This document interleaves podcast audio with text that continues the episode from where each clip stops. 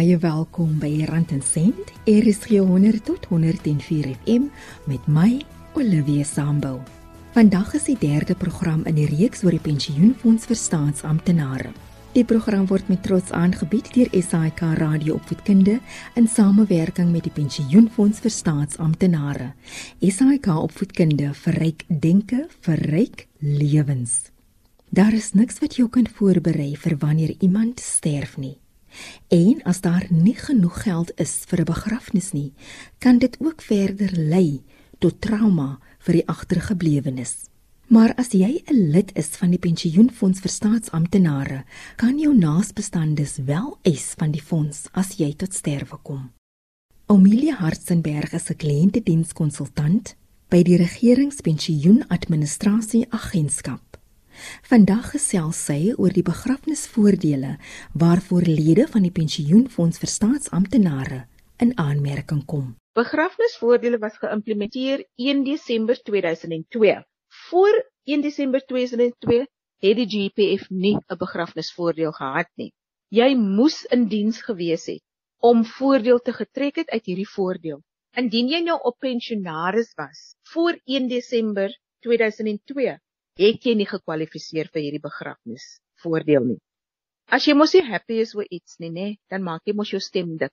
En dit is presies wat ons pensionaars gedoen het. Hulle het gesê, luister, ons is ook lede van hierdie fonds. Hoekom word ons dan nou uitgesluit? En op 1/4/2012 was daar 'n reëlverandering teweeggebring.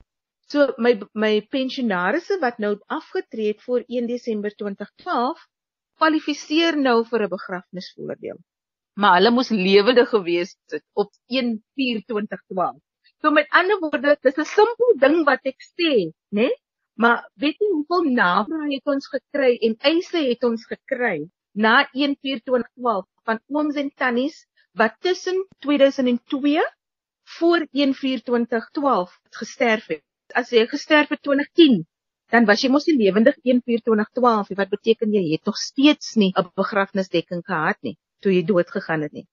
As 'n lid afgesterf het op of na 1 April 2012 en het afgetree voor 2002, kom die lid wel in aanmerking vir die begrafnisvoordeel. Nou wie kwalifiseer? My lid kwalifiseer, my lid se gade kwalifiseer en dan die kinders. Weereens eie kinders, wettiglik aangenome kinders tussen die ouderdom van 0 en 18. Dan tussen 18 en 22 moet hierdie kinders voltydse studente wees. So dit verskil bietjie by die begrafnishuise van die kinderpensioene af. By die kinderpensioene hoef jy nie 'n student te wees nie. By begrafnis moet jy tussen 18 en 22 voltydse studente wees. En dan weer eens die gestremde kind, ongeag van die gestremde kind se ouderdom, hierdie kind kan lewenslank vir 'n begrafnis eis kwalifiseer, maar hy of sy moes finansiëel afhanklik gewees het van my pensionaris of my lid soos op datum van afsterwe en natuurlik moet daar bewyse kan gelewer word dat die kind wel gestremd was. Ons het twee verskillende bedrae. Die lid of die pensionaris en die gade kry een bedrag wat R15000 is. Dan moet ek seker ook byvoeg dat hierdie bedrag belasbaar is dan die kinders hulle kry R6000. So dit is 15 en 6. Kinders 6, lid en gade en pensionaars 15. Baie mense is ongelukkig omdat hierdie voordeel belasbaar is. Maar dit hang af in watter belastingvakkie my lid was. Baie van die ouer gardes wat nou 70 is en so voort en wie se salarisie klein is, betaal nie noodwendig belasting op daai voordeel nie, maar ek moet dit net onder lede se aandag bring dat hierdie voordeel wel belasbaar is. SARS moet die belastingdirektief uitreik op dit. Jy benodig sekere dokumente as jy aansoek doen vir die begrafnisvoordeel, maar in sommige gevalle moet jy ook dokumente indien wat bewys dat jy wel in aanmerking kom vir die geld. As 'n gade aansoek doen vir 'n begrafnisvoordeel, dan is die stawende dokumentasie wat bygevoeg moet word so eenvoudig, né? Nee? Dit is die doodsertifikaat. Dis die ID van die oorledene. Dis die ID van die applikant Dit is die tou sertifikaat, dis die Z894 wat die bankvorm is en 'n bankstaat. Hierdie kan gewoonlik uitbetaal word, né? Maar nou kry jy 'n kind of 'n derde party wat aansoek doen of 'n suster of 'n boetie wat aansoek doen of 'n ouer. Ons kan nie net verliefs aanneem dat jy wel die mamma of die pappa is van ons lid nie of die suster of die broer nie. Daar moet eers wees 'n bewys van die verhouding. So dan het ons addisionele inligting nodig soos 'n affidavit om te sê ek is so en so, ek is die wettige of, of ek is die biologiese pa en ek was verantwoordelik vir die begrafnisonkoste met 'n kwotasie of 'n kwitansie met die applikant se naam op. As daar nog ander 10 sissies en boeties was, dan kan hulle ook mos aansoek doen. Maar die vraag is, hoekom moet ons vir jou betaal? En dit het al gebeur waar daar 3 of 4 eise ingehandig was vir dieselfde persoon.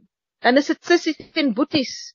Die een wil die ander een voorspring. So, dan moet jy mos nog vir ons 'n bewys gee van die verhouding Jy moet vir ons 'n bewys gee dat jy wel verantwoordelik was vir die onkoste van die begrafnisvoordeel sodat ons die geld aan die regmatige persoon kan gee.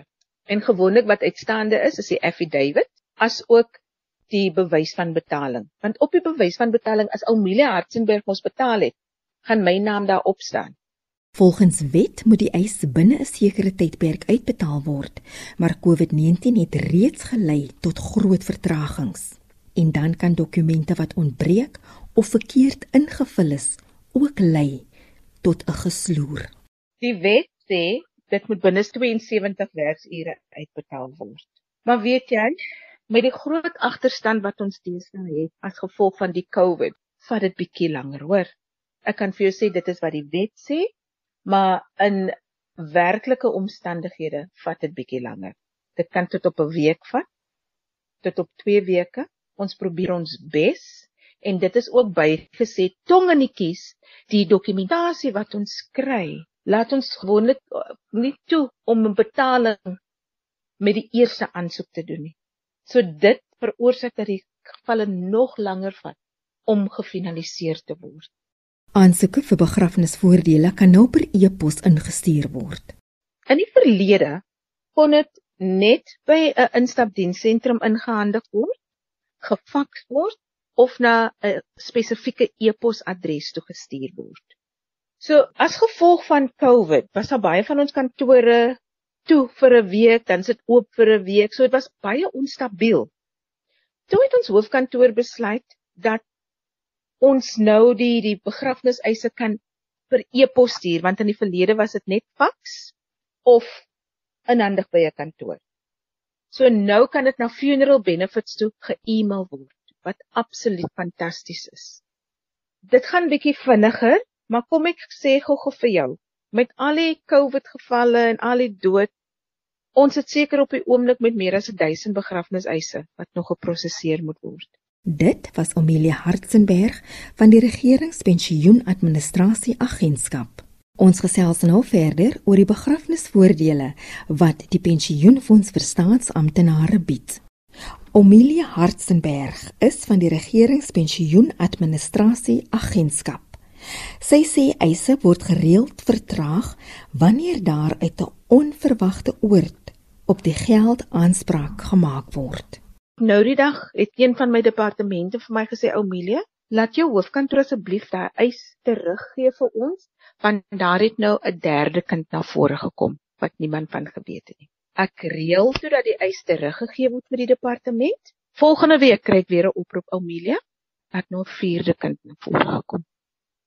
Ek kan mos net die nie die, die kinders weier nie.